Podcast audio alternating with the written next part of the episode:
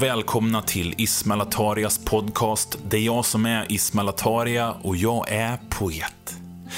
Det ni lyssnar på just nu är min, eh, mitt semesterprogram, min semesterserie, som heter Två favoriter och en dikt.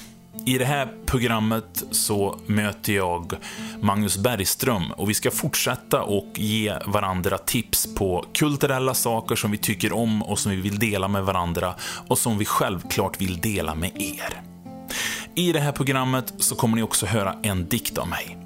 Det är en dikt som aldrig någonsin har lästs på scen av mig eller eh, figurerat i radio eller i podden, utan det här är en dikt som kanske på sin höjd varit publicerad i en bok någon gång.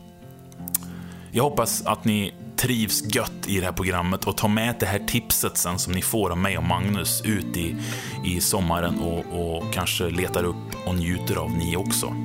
Precis som vi har gjort.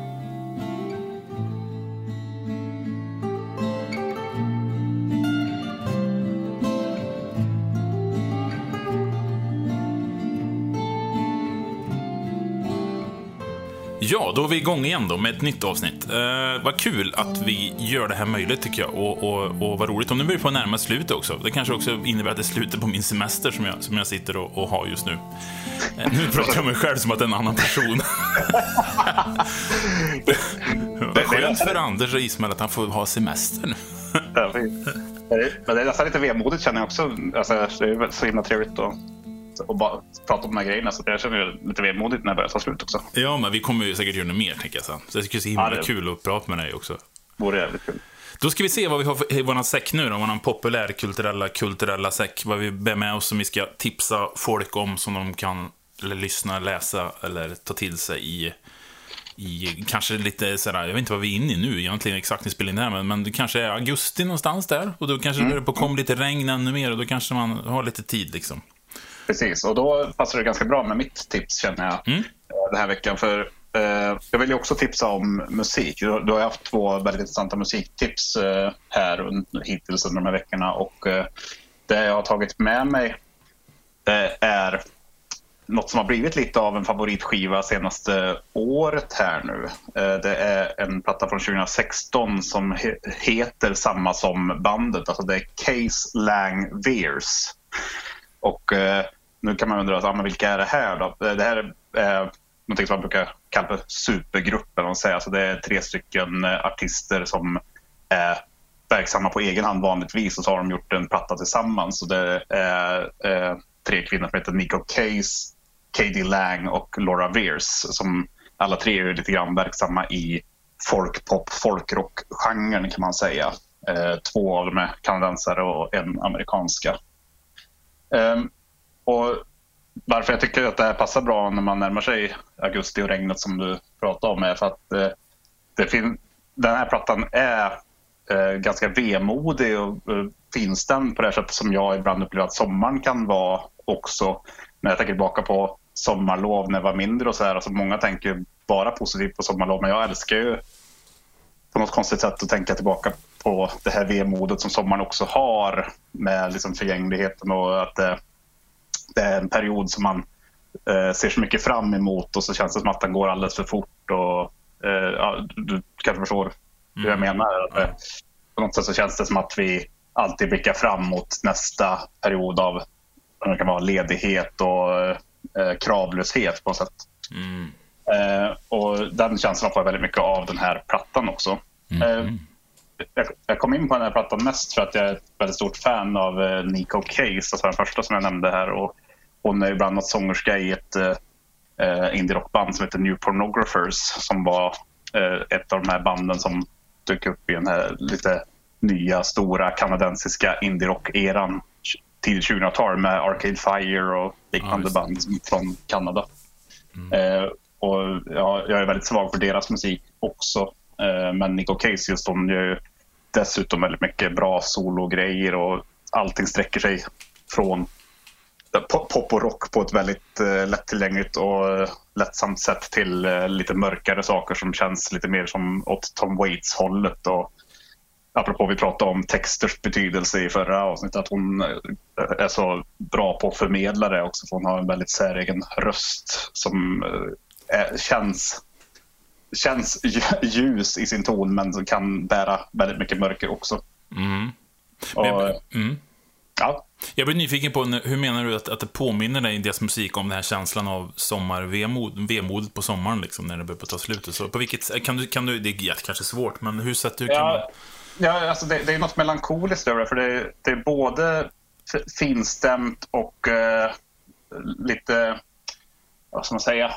Och- om man tänker som sommaren till exempel. eh, Vi tänker på sommaren bara som någonting, eh, eller inte bara, men det- som något eh, va- vackert, ljust, eh, färgsprakande, människor är glada. Men så finns det den som sagt mörka sidan av att eh, man kanske tänker just att den tar slut så småningom också. Det är någonting att vi hela tiden, hela året eh, fokuserar på den perioden. Eh, Så att eh, den delen tycker jag dyker upp här också för att de- deras eh, stämmer tillsammans är så jävla fina. Mm. Men det finns också en så otroligt stark melankolisk känsla i eh, både melodierna och i texterna. Men hela plattan som jag tipsar om här är ju eh, det har ju en bredd också så det finns ju de låtarna som är väldigt mycket mer lättillgängliga och lättsamma i stilen också. Så jag tror att helheten i sig ger alla de bitarna som, som sommaren, sommarvemodet kan ge också. vad heter det igen, sa du? Eh, Case Lang Veers. Uh, söker man på Nico Case eh, på nätet eller Spotify så dyker den här plattan upp också från 2016. Så det, den vägen kan man ju ta. Det måste jag Eh, kolla upp känner jag, när du berättar om ja. det. Du säljer in det bra.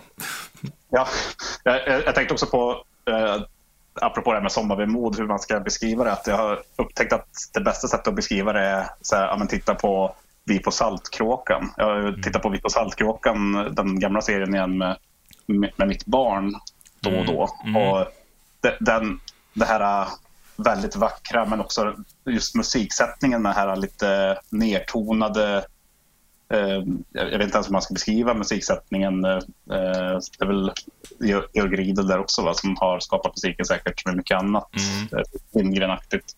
Och de här naturbilderna med solnedgångar och allting. Att eh, det finns ju på något sätt också någonting dystert samtidigt i Vi på Saltkråkan. Och lite så tänker jag när jag tänker på sommaren och den här plattan. Jag förstår vad du menar. Det, det är en väldigt så här, nordisk känsla jag för mig. ja, exakt. Eh, att, och det tror jag är på grund av att det är så korta somrar liksom. Mm. Och det skapar den här, det här vemodet, ty, tycker jag. På något sätt. Det här Ja. mörkret liksom. Att, och, Och det- kanske och det- återspeglar att livet är kort och allt det där också. Liksom. Exakt, och det kanske är samma för, eh, ja, men, som sagt, Nico Case och eh, eh, Katie Lang. Är det väl, de är ju kanadensisker bägge två. Det kanske finns en liknande känsla i Kanada också som har påverkat deras eh, musikstil eh, åt det hållet. Ja. Det var bra avslut, var det inte? Ja, men du har väl... ett- Just det, nej för fan, vi är inte slut än. jag tänkte att slut på programmet där. För jag blir helt inne i din skiva där. Det ska vi inte klippa det tar vi med. Vad dumt. Så, nu är det slut.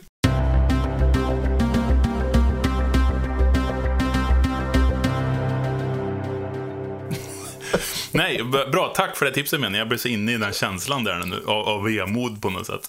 Jag har lätt att, att tuna in i den känslan. Eh, nej, just det. Mitt tips också. Just det. Eh, vi, vi, det är lite, inte, inte samma vemod, men jag ska tipsa om någonting som, som jag brukar se på sommaren faktiskt. Eh, ganska eh, varje år faktiskt. Inte varje år, men ofta på sommaren så här, som jag brukar återkomma till. Det här är både en bok och en tv-serie. Det är en Stephen King... Vad säger man? Eh, eh, vad säger man? Eh, Att, att det är gjort på en tv-serie, eller en bok av Stephen King. En adaption. eller Adaption, en, så säger man ja. Tack. Eh, Först, eh, det heter det är Salem slott. Ah, Har du läst boken, Salem slott? nej, jag har inte läst den boken. Nej. Den är ju, eller Staden som försvann heter den på svensk översättning, av en oklar anledning. Eh, som vanligt med Stephen King så är det en väldigt lång bok, men eh, man skulle kunna ta bort en del. och absolut, historien skulle flyt fortfarande ännu bättre. Men det är någonting med Stephen King, att de är långa. Att man liksom får gå in i hans värld. Liksom. Och jag älskar ju Stephen King. Jag älskar att gå in i en Stephen King-bok, för det är så himla det är så himla lättsamt på något sätt. Och, och, och det liksom, man, man känner igen hans lite så main-värld liksom. Och, och det är så himla gött tycker jag.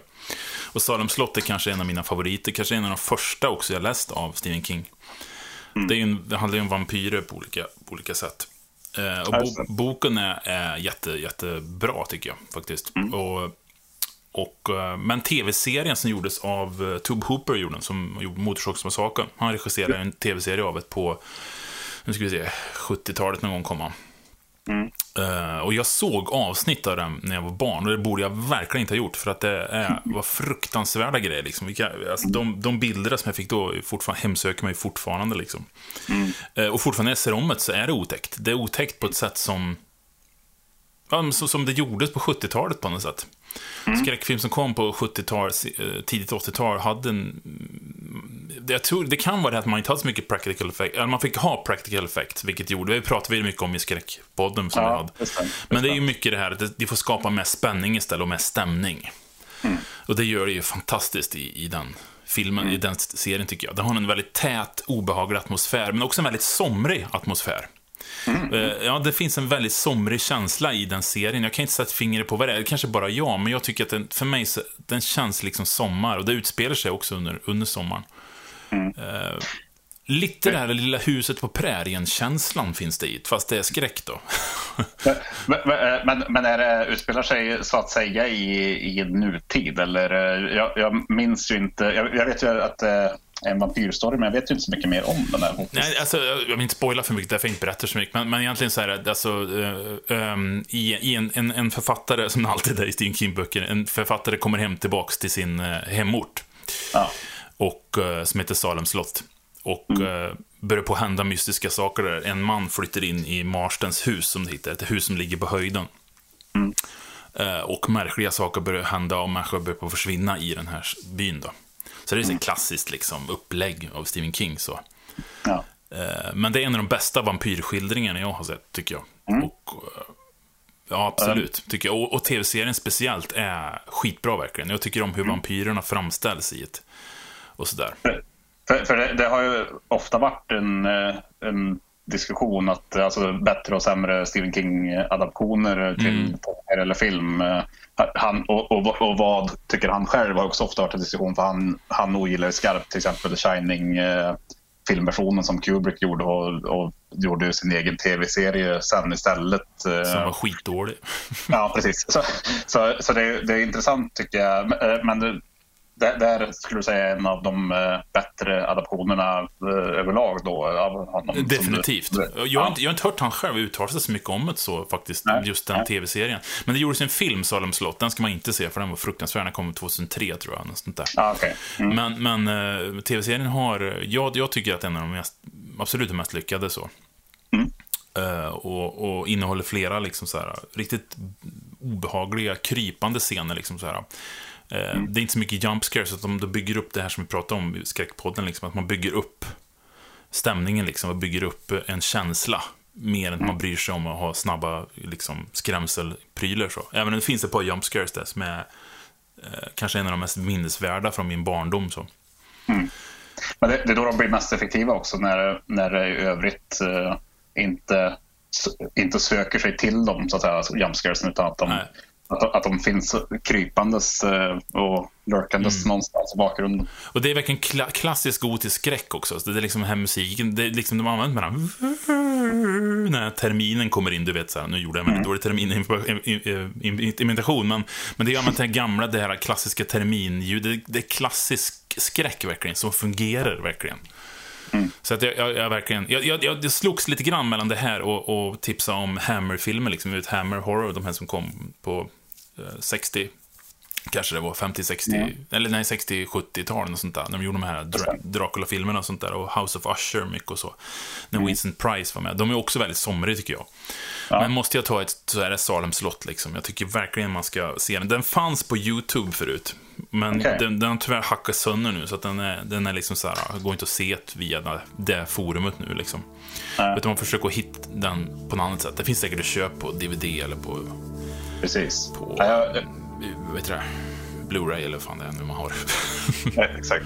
Ja, men min, eh, min, min sambo är ju stort Stephen King-fan, eller ja, skräckfan överlag. Hon har ju säkert också redan sett den här eh, tv-serien. Det kommer att bli lätt, och, lätt att föreslå den, så jag tror absolut att det är någonting som jag kommer att kolla upp.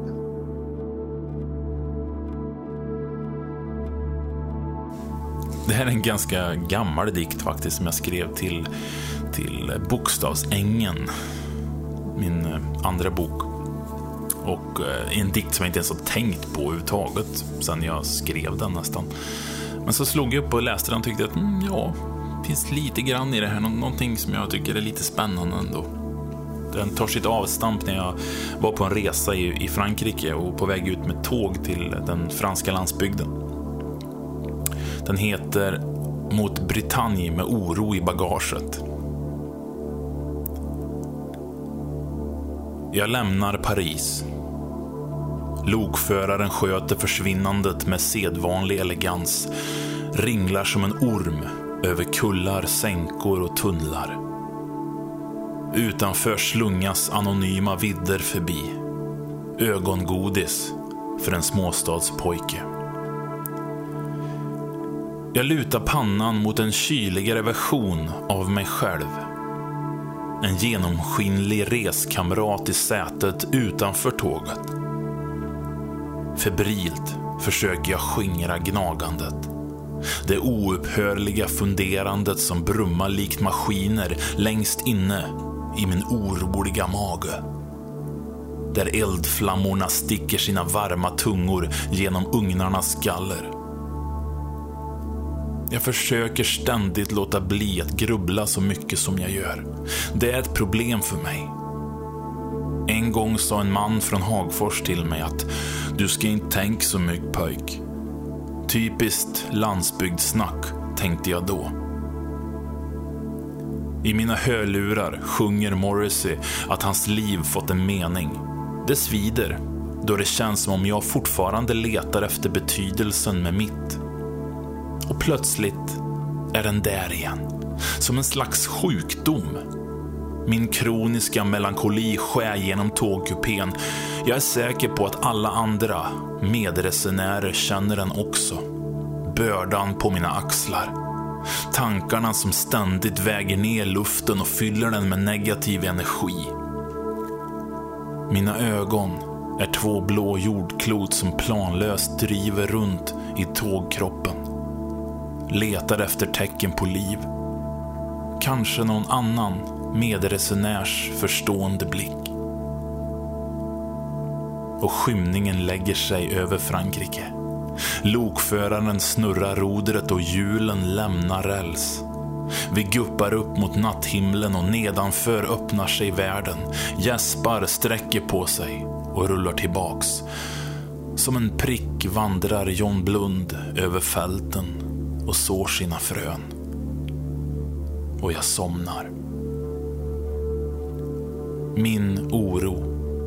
En ständigt tickande äggklocka för en kastrull som så ofta kokar torrt.